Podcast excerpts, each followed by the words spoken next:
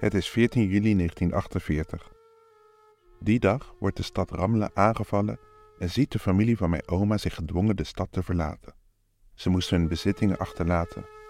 Huizen werden geplunderd en de inwoners werden opgejaagd. A few pitiful refugees rescue what few belongings they can as the bitter strife continues in the stricken Holy Land. Zo'n 50.000 Palestijnen moesten te voet het gebied uit. Veel vluchtelingen waren uitgedroogd.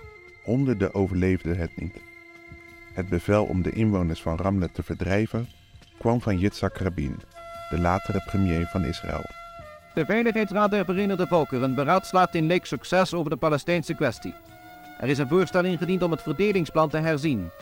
Haganah forces seek out every Arab, and barricades are set up to screen those who had not already fled the city. Everyone is searched. Fighting is going on in Palestine. It must stop. Ik ben Arjen Afasset. In de podcastserie Niet iedereen kan stenen gooien neem ik je mee op mijn zoektocht naar de bewogen geschiedenis van mijn familie in Palestina. Ten oosten van Jaffa, tussen Jeruzalem en Tel Aviv, liggen de steden Lida en Ramle. Het is de omgeving waar tegenwoordig dagelijks mensen aankomen op het vliegveld Ben Gurion. Oorspronkelijk komt de familie van mijn oma uit dat gebied. Vlak voor en tijdens de Tweede Wereldoorlog was het een chaos in Palestina. Joodse gewapende groepen vielen zowel Palestijnen en Britse troepen aan. Jewish extremists attacked British troops, wrecked government buildings, blew up trains and ships. And so Palestine remains, a place of martial law, where all go their ways only under watch, where the innocent must suffer with the guilty. Het Britse bestuur reageerde met harde maatregelen. Terror gangs strike again, this time in Haifa, while a truck carrying half a ton of explosive was blown up outside police headquarters, killing two British and two Arab policemen and causing wholesale destruction. More than 60 other police, soldiers, and civilians were injured by the blast, which shook the whole town and wrecked surrounding offices to a height of five stories. Without delay, troops made a lightning roundup of all suspected persons, and very soon large numbers were brought in for questioning. After the explosion, the terrorist headquarters of Irgun Zwei Leumi broadcast that they had carried out the attack. Voor mijn familie was het duidelijk dat de Britten hun greep op Palestina aan het verliezen waren.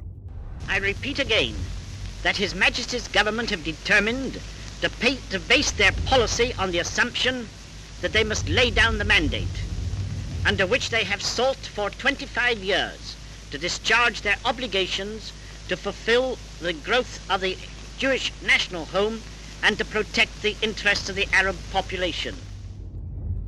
Op 21 februari 1947 maakte de Britse regering bekend dat zij het mandaat over Palestina in mei 1948 zou overdragen aan de Verenigde Naties.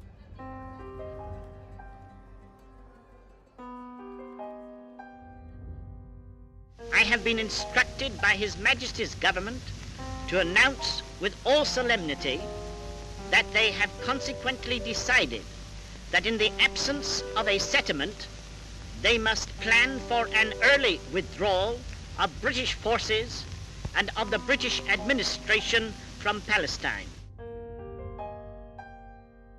In mei 1947 werd een speciale VN-commissie opgericht die moest onderzoeken wat er met Palestina moest gebeuren.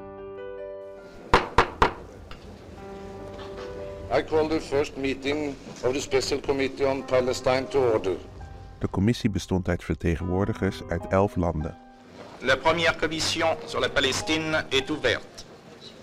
Uh, gentlemen, I am uh, glad to welcome you at the headquarters of the United Nations, where you have now assembled to make uh, preparations and plans for the important inquiry which has been Lid namens Nederland was Nico Blom, een bestuursambtenaar in Nederlands-Indië en later staatssecretaris in het tweede kabinet Drees. You have the widest powers to ascertain and record facts and to investigate all questions and issues relevant to the problem of Palestine. You will conduct investigations in Palestine Geen van de elf leden was daarvoor ooit in Palestina geweest. You have been asked to communicate the report not later than the 1st of September to be considered by the General Assembly at its next regular session. You are aware that you form a special committee of the United Nations which today represents the hope and the fate of millions of people. And I sincerely hope prepare the way for a just and workable solution which will be acceptable to all.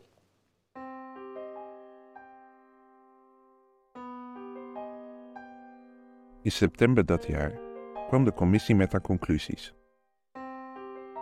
Voor mijn familie was het evident dat na het Britse koloniale gezag niets anders dan onafhankelijkheid zou moeten volgen.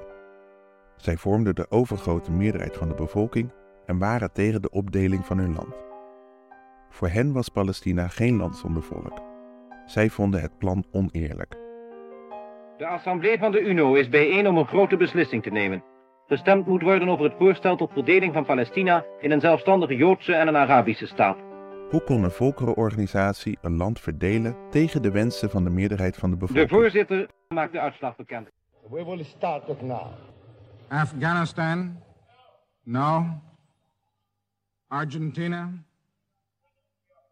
Argentina? Abstention? Hoewel het verdelingsplan van 1947 berustte op het idee om in het voormalige mandaatgebied Palestina een Joodse en een Arabische staat te stichten, bleek de bevolking binnen de grenzen van die Joodse staat nog voor bijna de helft uit Palestijnen te bestaan. Canada? Yes. Chile? Op de stad Jaffa na vormden de Palestijnen in alle districten de helft, in Oost-Galilea zelfs driekwart van de bevolking. Netherlands? Yes. New Zealand? Yes. De oorlog van 1948 gaf Israëlische leiders de gelegenheid deze verhoudingen drastisch te wijzigen. The United Kingdom? Abstain. The United States? Yes. Desondanks werd op 29 november 1947 het verdelingsplan via een VN-resolutie aangenomen. A resolution of the DUC Committee for Palestine was adopted by 33 votes, 13 against, 10 abstentions. De familie van Umnaji, de oma van mijn vader, komt uit Ramle. Haar familie heeft in juli 1948 Ramle moeten verlaten. Er woonden in die tijd zo'n 17.000 Palestijnen. Uiteindelijk mochten er na de oorlog zo'n 400 blijven. Vlak voor de oorlog van 1948 woonde een vijfde van de totale Palestijnse stedelijke bevolking in Ramle en Lida. Yitzhak Rabin, de latere premier van Israël, had het commando over de Joodse troepen in dat gebied. Op 12 juli 1948 gaf hij het bevel: de inwoners van Lida moeten zonder onderscheid van leeftijd worden verdreven in de richting van Beit Nabala. Een soortgelijk bevel kreeg de Kiryati-brigade met betrekking tot de inwoners van Ramle. Je hoort de Israëlische historicus Idan Papé. I've seen the uh, group of commands that was sent to each commander of a brigade and each commander of a battalion. And their commands were very, very clear. They had to occupy the villages, expel the people, detonate the houses. And these commands came at the 1st of April. Volgens deze historicus was Ramle al eerder aangevallen door Joodse militante groepen. Begin 1948 plaatste de Irgun een mand met explosieven op de groentemarkt van Ramle. Bij deze aanslag kwamen twaalf Palestijnen om het leven, onder wie acht kinderen. De Irgun stond onder leiding van de latere premier Menachem Begin. We are also now exploring the oral history of 1948 from the Jewish side. And maybe because they are old and are uh, very close to their deathbed, commanders of the Haganah are now admitting that their mission was to cleanse Palestine from the Palestinians. I don't know why people find it so difficult to, to believe.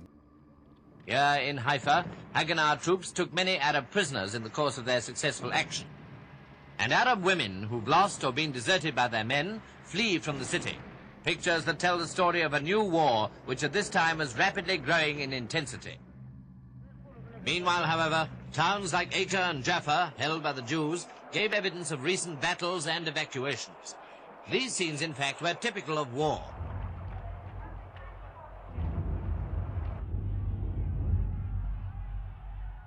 De familie van mijn oma hoorde over de hevige gevechten die waren uitgebroken en hoe Jaffa was gezuiverd van zijn Palestijnse bevolking. Dat begon met een mortierregen door Ikon. De meeste Palestijnen waren die stad ontvlucht en hadden al hun spullen achtergelaten.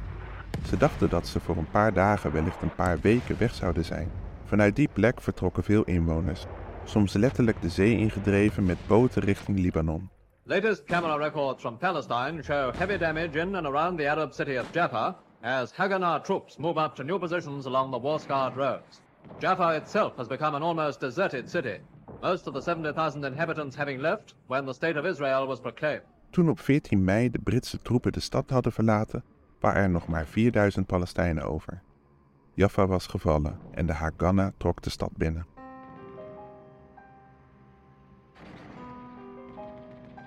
Vooral met de aanval op het dorpje Deir Yassin kwam een grote stroom vluchtelingen op gang. Op 9 april 1948 openden Joodse militanten het vuur in het dorp. Ze schoten in het rond met machinegeweren en doodden meer dan 100 mannen, vrouwen en kinderen. Volgens Israëlische historici werd tijdens de aanval willekeurig geschoten, werden huizen opgeblazen, inwoners geëxecuteerd en bezittingen geplunderd.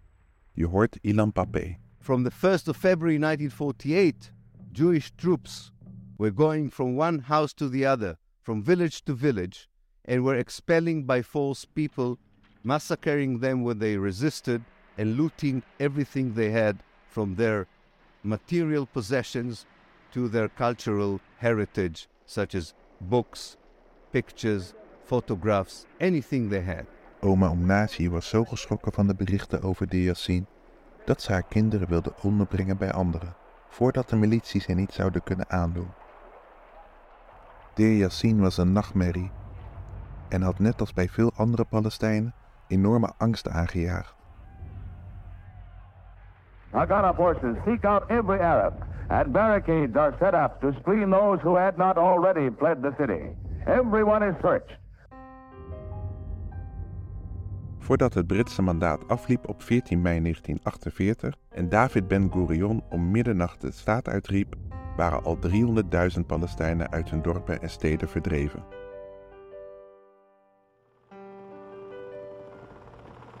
In de nacht van 9 op 10 juli werd Ramle uit de lucht gebombardeerd.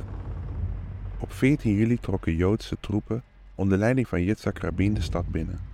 In een zoektocht van deur tot deur werden 3000 Palestijnse mannen en jongens opgepakt en naar een gevangenkamp gebracht. Op dezelfde dag werd de stad geplunderd.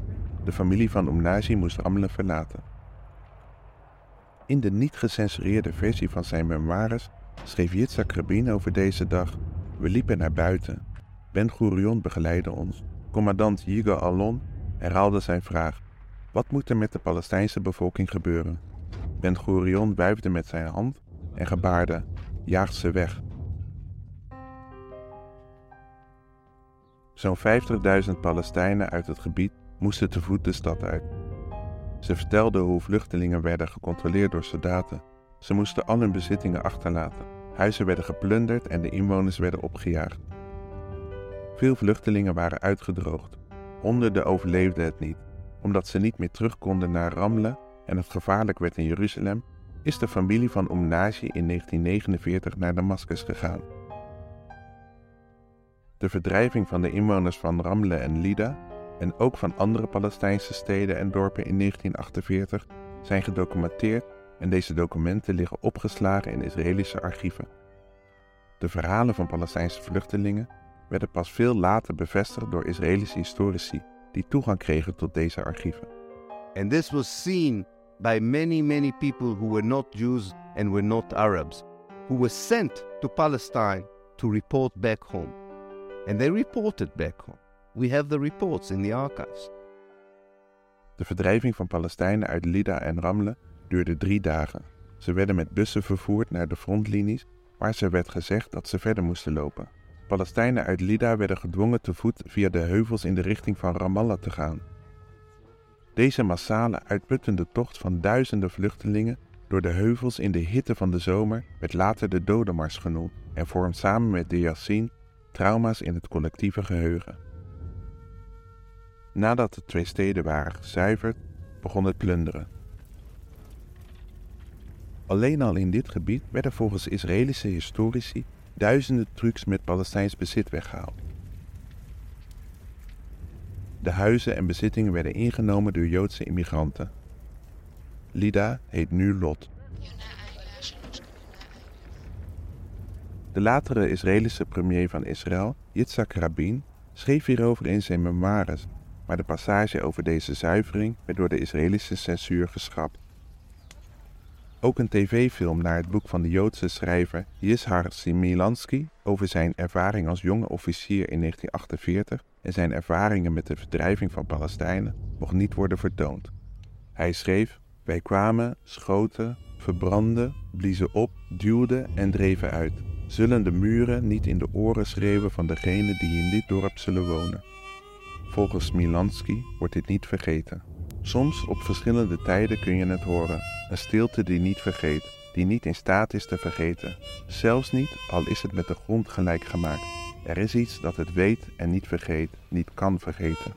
יצא אז אלוהים, וירד אל הבקעה לשוטט ולראות, הכצעקתה.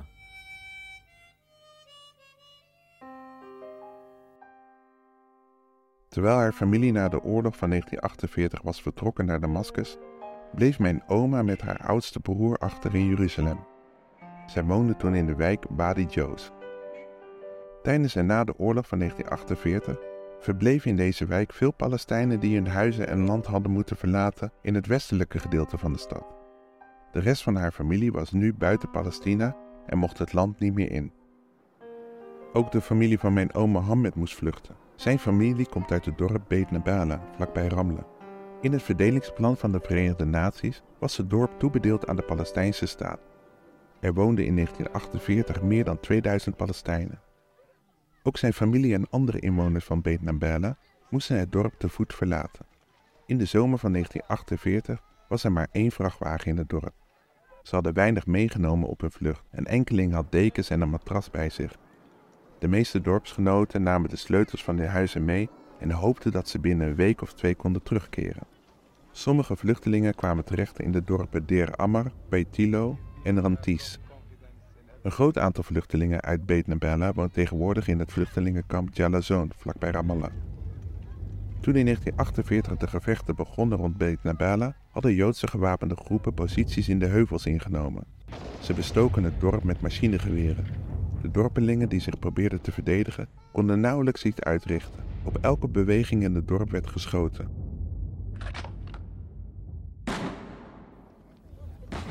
Niet lang daarna was het dorp leeg.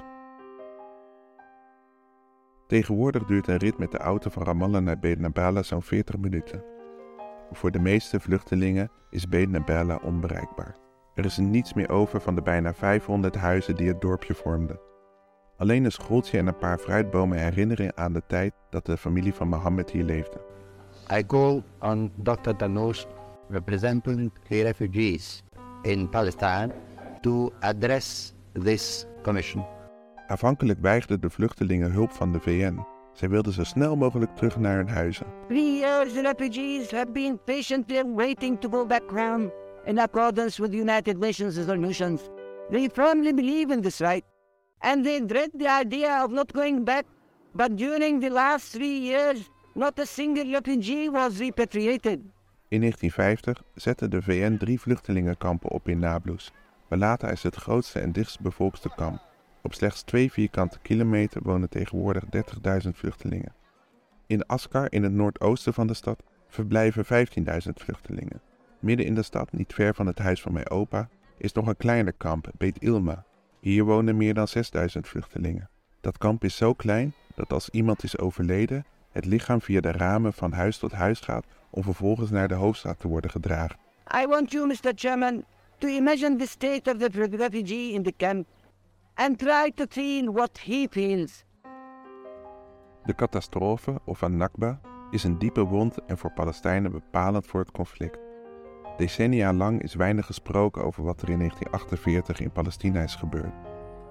Pas eind jaren 80, nadat Israëlische historici toegang hadden tot Israëlische staatsarchieven, kwamen de voor Israël pijnlijke feiten boven water over de omstandigheden waaronder de staat is ontstaan.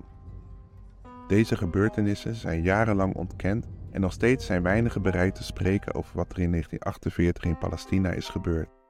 Je hoort Ilan Pape. So whether it was the editorial board of the New York Times, whether it was the headquarters of the International Cross in Geneva, or the United Nations Secretariat in New York at the time, they all have received, had received genuine reports of what was going on. And they made a political decision not to publish these reports.